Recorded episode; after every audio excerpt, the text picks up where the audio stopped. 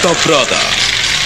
Kali ini mengetengahkan episode ketiga dengan judul Pangeran Puger Balelo.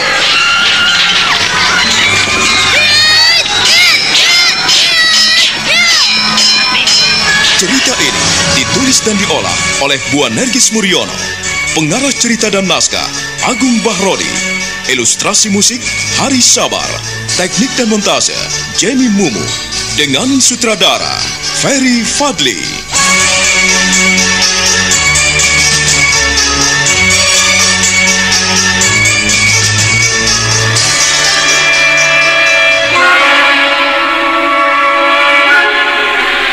Guntur dan Nandoko berusaha bangkit ketika tertampar oleh hempasan tenaga dalam dari teriakan Kitayu yang menghardiknya. Kedua perwira Demak Bintoro itu tidak percaya jika di hadapannya muncul tokoh yang tak mereka kenal. Lelaki tua berjanggut panjang memutih dan berpakaian hitam sederhana itu tersenyum dingin pada Nandoko dan Guntur. Sumanggrah berlindung di balik punggung Kitayu yang mencegah kenekatannya.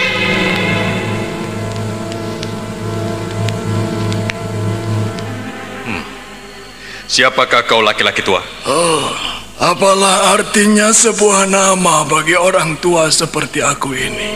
Seandainya aku mati pun, tidak ada yang mengenangnya. Tapi aku tidak mau mati selama masih kulihat kebiadaban prajurit-prajurit dari Demak Bintoro. Kau jangan sembarangan bicara, Pak Tua. Apakah aku salah ngomong? Apakah aku salah bicara? Dengan mata kepalaku sendiri aku lihat kalian membantai anak-anak dan perempuan. Apa namanya itu tidak biadab? Tutup mulutmu dan jangan banyak bicara jika tak ingin masuk liang lahat. Aku ini pasti akan masuk liang lahat jika Yang Maha Kuasa sudah menghendakinya. Tapi jika ia masih memberikan kemurahan padaku, maka tidak seorang pun bisa menyentuh tubuhku. Sombong kau.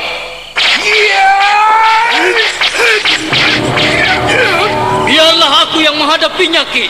Minggirlah jauh-jauh. Mereka bukan tandinganmu. Hei, jangan mundur, Pak Tua. Sedikit pun aku tidak akan mundur. Aku hanya ingin mencari tempat lapang untuk melayani kalian. Ayolah, jangan maju satu-satu. Berbarenganlah. Aku akan siap menghadapi kalian. Ah, Pak Tua besar mulut. Aku akan membukamu. Iya.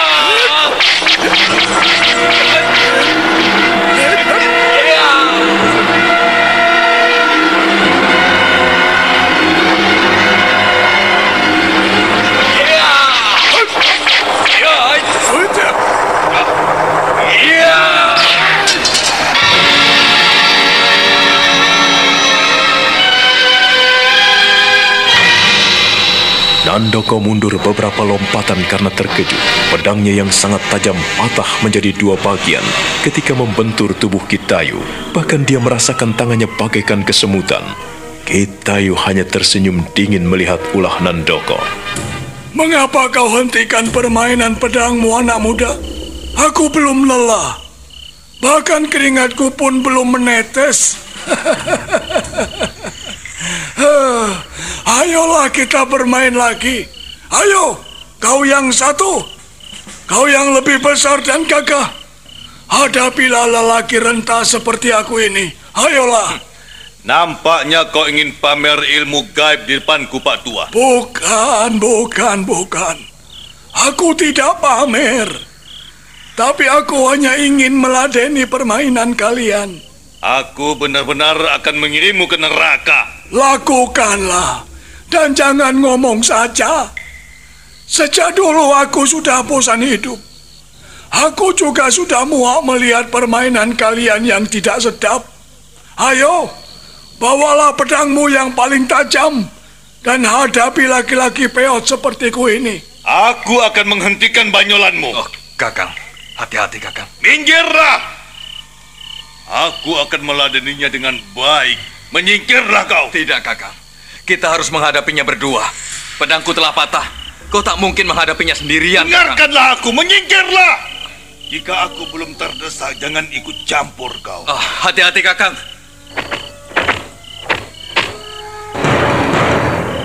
Bagus. Bagus sekali langkah-langkah siksamu, anak muda.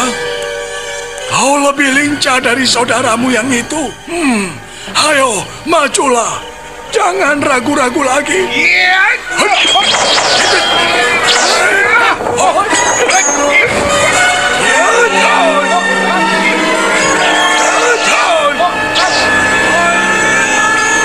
Dengan gigih, Guntur menggantikan kedudukan Nandoko. Dia menyerang bertubi-tubi dahsyat sekali. Kibasan-kibasan pedangnya yang sangat tajam berubah menjadi gulungan-gulungan sinar putih menyilaukan yang berguna untuk membentengi dirinya. Sebaliknya, Kitayu hanya melompat-lompat menghindari serangan itu. Dia sedikit pun belum melancarkan serangan balasan.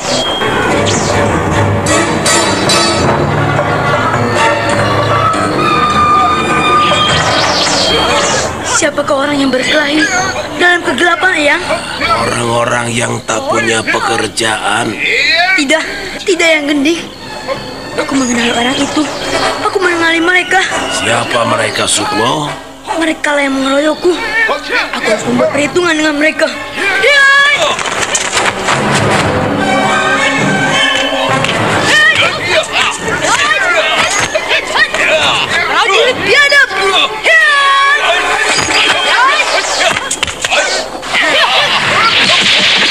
Nandoko dan Guntur tidak berani menghadapi lelaki tua yang cukup tinggi ilmunya itu. Mereka mengaburkan diri tanpa menoleh ke belakang lagi. Sebaliknya Sukmo berdiri bertolak pinggang sambil mengangkat dagunya saat berhadapan dengan Kitayu. Dia tersenyum bagai seorang pendekar besar. Lebih-lebih dia sangat mengagumi lelaki tua berambut dan berjenggot panjang memutih itu yang berdiri tegak di depannya. Salam dengan hormat saya, Eyang. Siapakah gerangan pendekar besar yang ada di depanku? Kau siapa anak muda? Kau masih kecil, tapi nyalimu tinggi sekali. Nama Eyang singkat saja. Tayu. Eyang Tayu? Iya, singkat dan sederhana bukan? Ya, Eyang. Nama Eyang sederhana sekali. Tapi Eyang Tayu hebat sekali. Terima kasih atas pujianmu, cucuku. Siapa namamu? Hingga kau berani melawan dua prajurit tadi. Eh, nama saya Sukmo. Eh, Aji Sukmo, Eyang. Oh, hebat, hebat. Kau bisa menjadi pendekar pencabut sukma. Pencabut nyawa. Terima kasih atas doa restu Eyang Tayu. Tapi Eyang, Sukmo tidak akan menjadi seorang pencabut nyawa. Saya akan menyayangi sesama saya seperti diri saya sendiri. Bagus, bagus, bagus. Pendekar sejati memang pendekar yang tidak akan menyakiti atau membunuh sesamanya. Ia pantang menumpahkan darah, sebab yang ada dalam hatinya adalah kasih sayang. Bagus, Nger, bagus. Eyang ingin mengajakmu pergi dari sini. Ayolah, bicara di tempat ini tidak aman, cucuku. Ah, ikut ah, eh, Eyang ke mana? Ke tempat Eyang yang teduh dan tenang, jauh dari keramaian. Tempatmu bukan di sini, Ger. Ayolah ikut Eyang. Enak saja kau.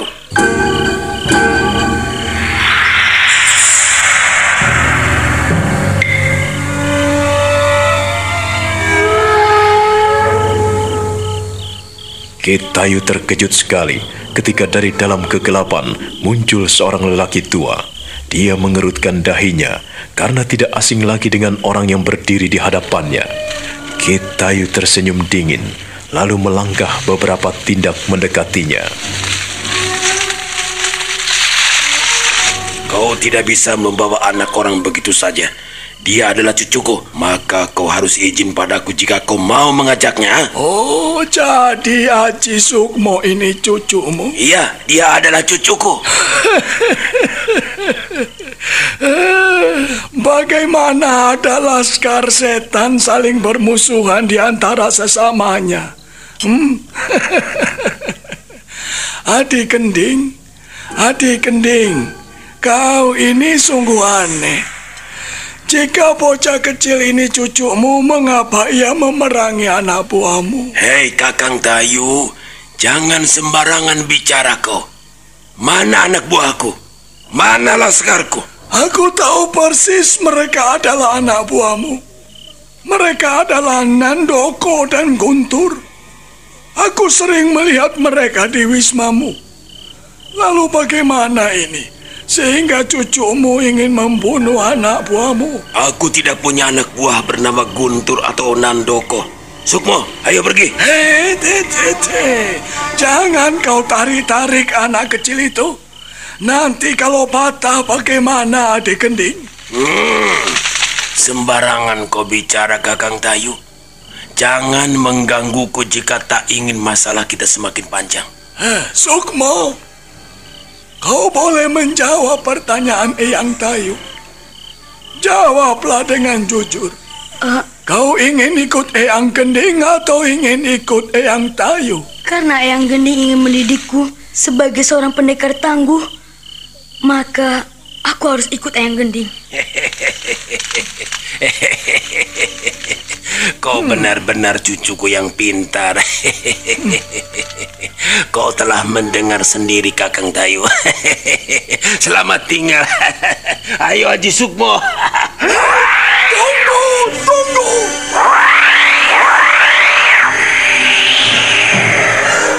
Kitayu tak membiarkan Patih Gending membawa kabur Aji Sukmo. Dia segera melesat menyusul kepergian Patih Gending. Sumanggrah ikut berlari mengejar kelebatan bayangan Kitayu yang melesat bagaikan terbang. Adegan kejar mengejar pun terjadi dalam kegelapan di tengah hutan rimba pegunungan Kendeng. Haji Sukmo dikempit di bawah ketiak Patih Gending. Setelah bocah itu ditotop saluran darahnya. Dengan kekuatan ilmu gaibnya, Patih Gending segera membawa pergi Sukmo. Setelah bocah kecil itu ditotok jalan darahnya, maka dia segera melesat bagaikan terbang. Menyadari akan kekeliruannya, Kitayu segera mengejar, melesat bagaikan terbang. Dalam waktu sekejap, terjadi adegan kejar-mengejar di antara dua tokoh sakti mandraguna itu.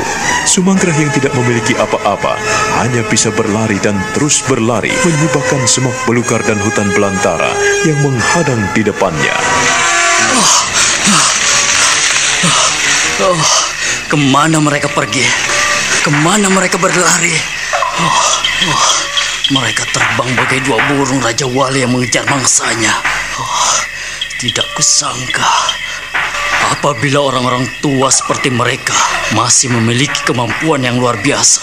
Oh, luar biasa. Hmm, ternyata aku tadi telah berjalan berdampingan dengan kakek sakti. Oh, Kitayu. Oh, Kitayu adalah pendekar pilih tanding yang sangat terkenal di bumi Mataram. Ya, dia dulu adalah tokoh andalan Kanjeng Prabu Senopati Ingalogo. Oh, oh, oh. Jadi itukah? Oh, aku tidak menyangka apabila pendekar sebesar dia, pendekar sehebat dia mau berjalan denganku. Oh, kupikir siapa? Tetapi ia benar-benar memiliki kekuatan yang luar biasa. Oh, Kitayu, aku tidak mungkin mampu mengejarmu. Andaikan tidak ada dirimu, aku sudah jadi apa, Kitayu? Oh, tadi kau menyebut-nyebut nama adik Gending. Benarkah orang tua tadi itu adalah Pati Gending? Oh, Kanjeng Tumengkung yang telah diangkat oleh Panembahan Nyokrawati menjadi pati di Demak Bintoro mewakili Kanjeng Pangeran Puka dan memerintah bersama Pati Tondo Negoro. Ah, tidak kusangka apabila aku bertemu dengan tokoh-tokoh sakti dan tokoh-tokoh besar dari pemerintah Mataram. Wah, ternyata yang bisa bertengkar itu bukan anak-anak kecil, akan tetapi orang-orang besar dan berkedudukan pun bisa berkelahi. Terus anak kecil itu tadi, Aji Sukmo, siapa orang tuanya? hingga bocah itu memiliki ilmu yang tinggi sekali. Ilmu kedikdayaan yang tidak bisa ditandingi oleh kedua prajurit cunguk itu. Kurang ajar. Hmm, kalau aku memiliki kesaktian seperti bocah kecil itu, sudah kupuntir batang leher si Guntur dan si Nandoko itu. Oh, oh, oh, kita ayo. Semoga kau berhasil, Ki. Oh.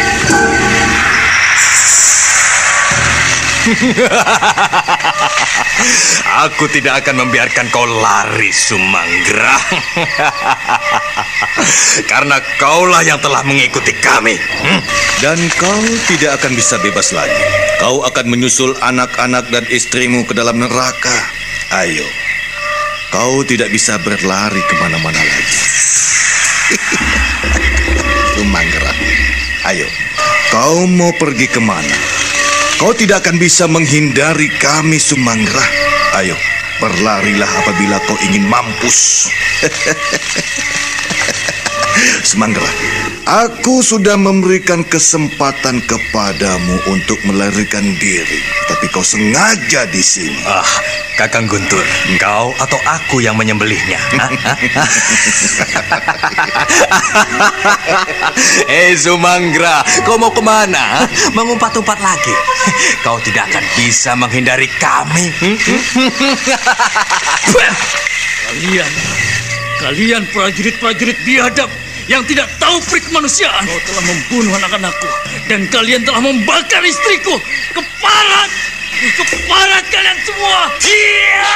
Iya! Ayo, bereskan saja Kakang Guntur. Bereskan saja. Jangan kau biarkan ia bermain-main denganmu. Ayo, bereskan. Bereskanlah. Aku tidak perlu membantumu, bukan? Ah.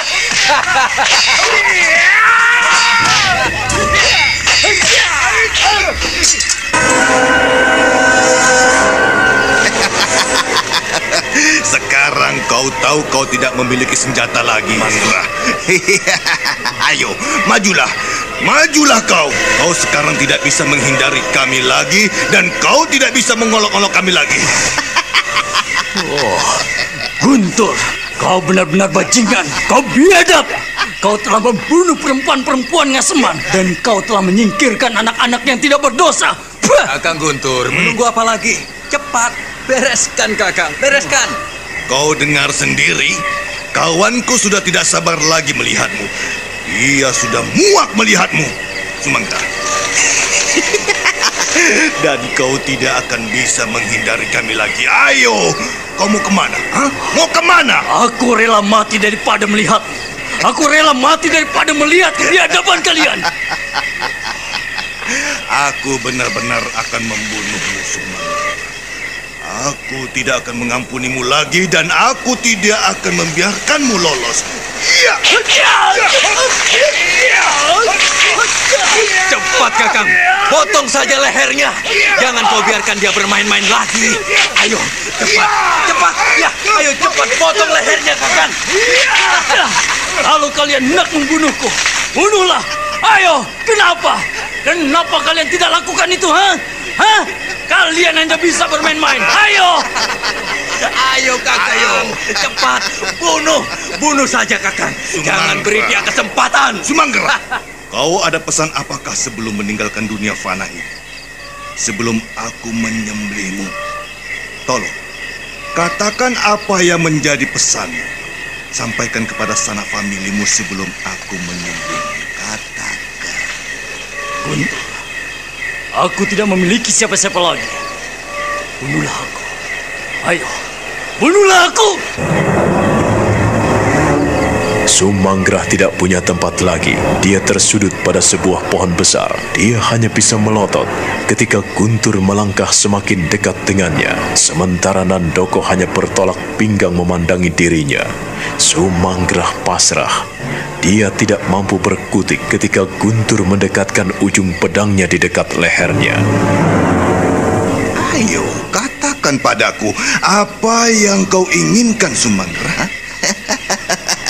Sebelum kau menyusul anak-anak dan istrimu ke neraka, katakanlah kepadaku supaya aku bisa menyampaikannya kepada orang-orang kampung yang makanmu.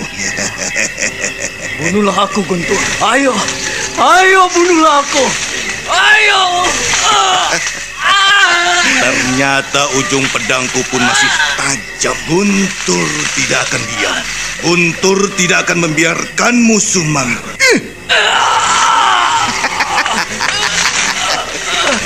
Jangan kau siksa aku. Bunuhlah aku. Bunuhlah aku, Guntur. Ternyata kulitmu masih lunak, Sumang. Tak kuduga apa yang kubayangkan. Kau berani mengejar kami dan ternyata kau tidak memiliki kemampuan apa-apa. Bunuhlah aku. Jangan kau siksa aku. Jangan kau siksa aku, Guntur. Apakah kau tidak pernah merasakan bagaimana perihnya orang yang diiris-iris seperti ini?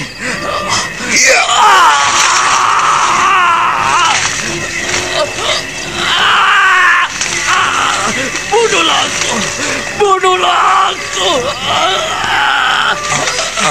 Kakang Guntur, bunuhlah. Jangan kau siksa dia. Jadi kau Bunuhlah, tidak Kakang. ingin melihat tontonan yang menarik ini, Handoko? Ah, aku Atau kau tidak ingin mencobanya? Keluarkanlah pisau belatimu untuk menggantikan pedangmu yang patah. Tolong kau goreskan wajahnya dengan pisaumu yang tajam. Sekarang tiba giliranmu, Nandoko. Nandoko, ayo cepatlah, cepatlah. Goreskan, goreskan pisau belatimu agar dia tahu bahwa prajurit-prajurit Demak Bintoro bisa bicara dengan senjata tajam. Bukan hanya besar mulut seperti apa yang dikatakan Sumanra. eh, Kakang. ah,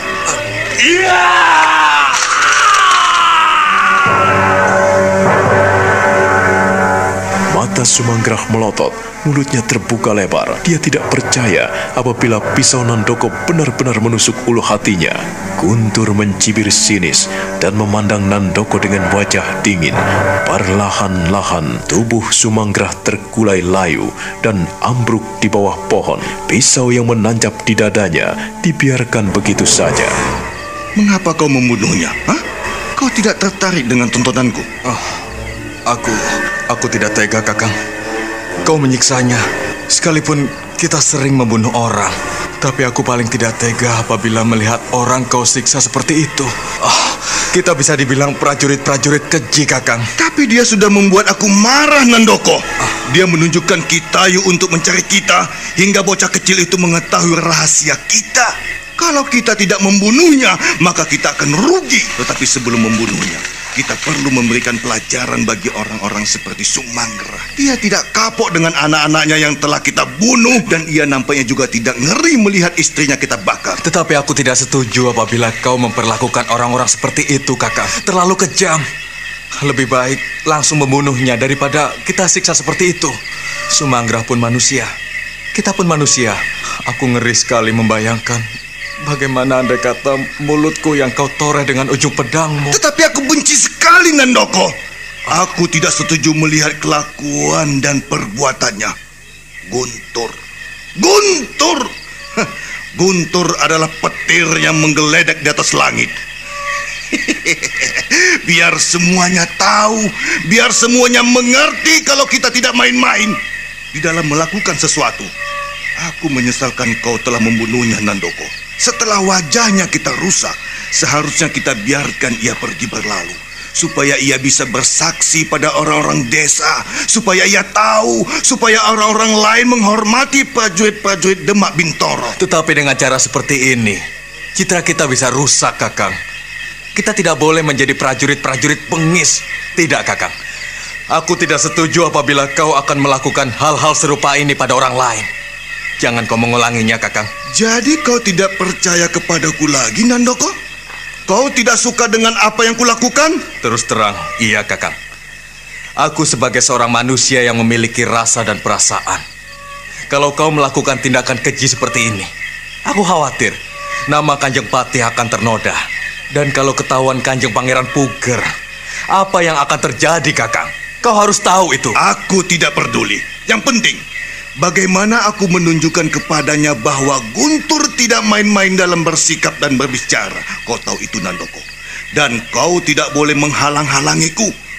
Kau pun di sini sama denganku, hanya sebagai alat-alat Kanjeng Patih. Kalau kita tidak bisa menunjukkan hal yang baik, maka kita tidak akan pernah mendapatkan uang. Kita akan tetap saja seperti ini dan aku menginginkan kedudukan yang lebih tinggi. Guntur adalah geledek yang akan bicara dengan apa saja. Oh, kalau Kanjeng Pati mengetahui hal ini, apa yang terjadi, Kakang? Kita bisa dihukum. Apa pun yang terjadi, aku akan menghadapinya. Nandoko, oh. dan kau tidak perlu khawatir. Aku Guntur. Aku Guntur akan menunjukkan pada siapa saja Kanjeng Pati itu kecil di depanku. Aku bisa bermain-main dengannya.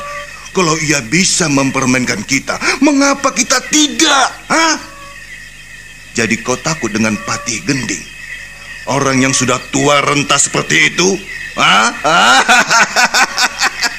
Sebentar lagi ia pun mampus di tanganku. Kakak, apa kau bilang? Iya. Kalau Kanjeng Patih main-main, aku pun tega untuk memotong lehernya yang kurus Kakang, itu. jangan bicara seperti itu, Kakang. Aku takut mendengarnya, Kakang. Kalau kau takut, akulah yang menghadapinya, Nandoko. Aku tidak akan membiarkan gending seenaknya sendiri memperlakukan kita. Dan kau harus tahu itu, Nandoko. Kita tidak boleh terus menjadi gedibalnya. Sekali-kali kita harus berbicara tidak dengan kata-kata, tetapi dengan ini, dengan otak kita, dengan akal kita. Itu namanya pemberontakan, Kakang. Jangan seperti itu. Kita telah menjadi orang yang dipercayainya. Guntur tidak akan pernah membiarkan orang-orang lain mempermainkan kita. Tidak, tidak. Biar Pati Gending tahu kalau Guntur pun bisa main-main. Tidak cukup kita menerima seribu real, Nandoko. Tidak cukup. Kau tahu sendiri. Ia memberikan upah kita pun dilemparkan. Seperti ia memberikan makan pada anjing-anjingnya. Aku tidak suka seperti itu. Kita harus unjuk gigi. Kakang, kalau kau ingin melakukan pemberontakan seperti itu, aku tidak setuju. Aku tidak mau.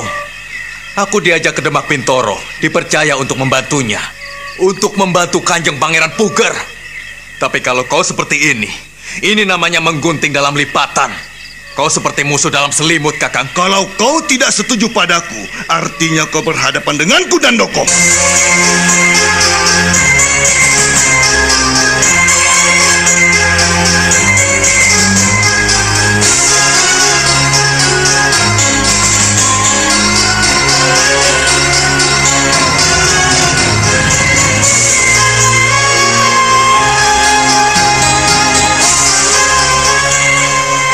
Mata Guntur menjadi merah padam, melotot galak sekali melihat Nandoko.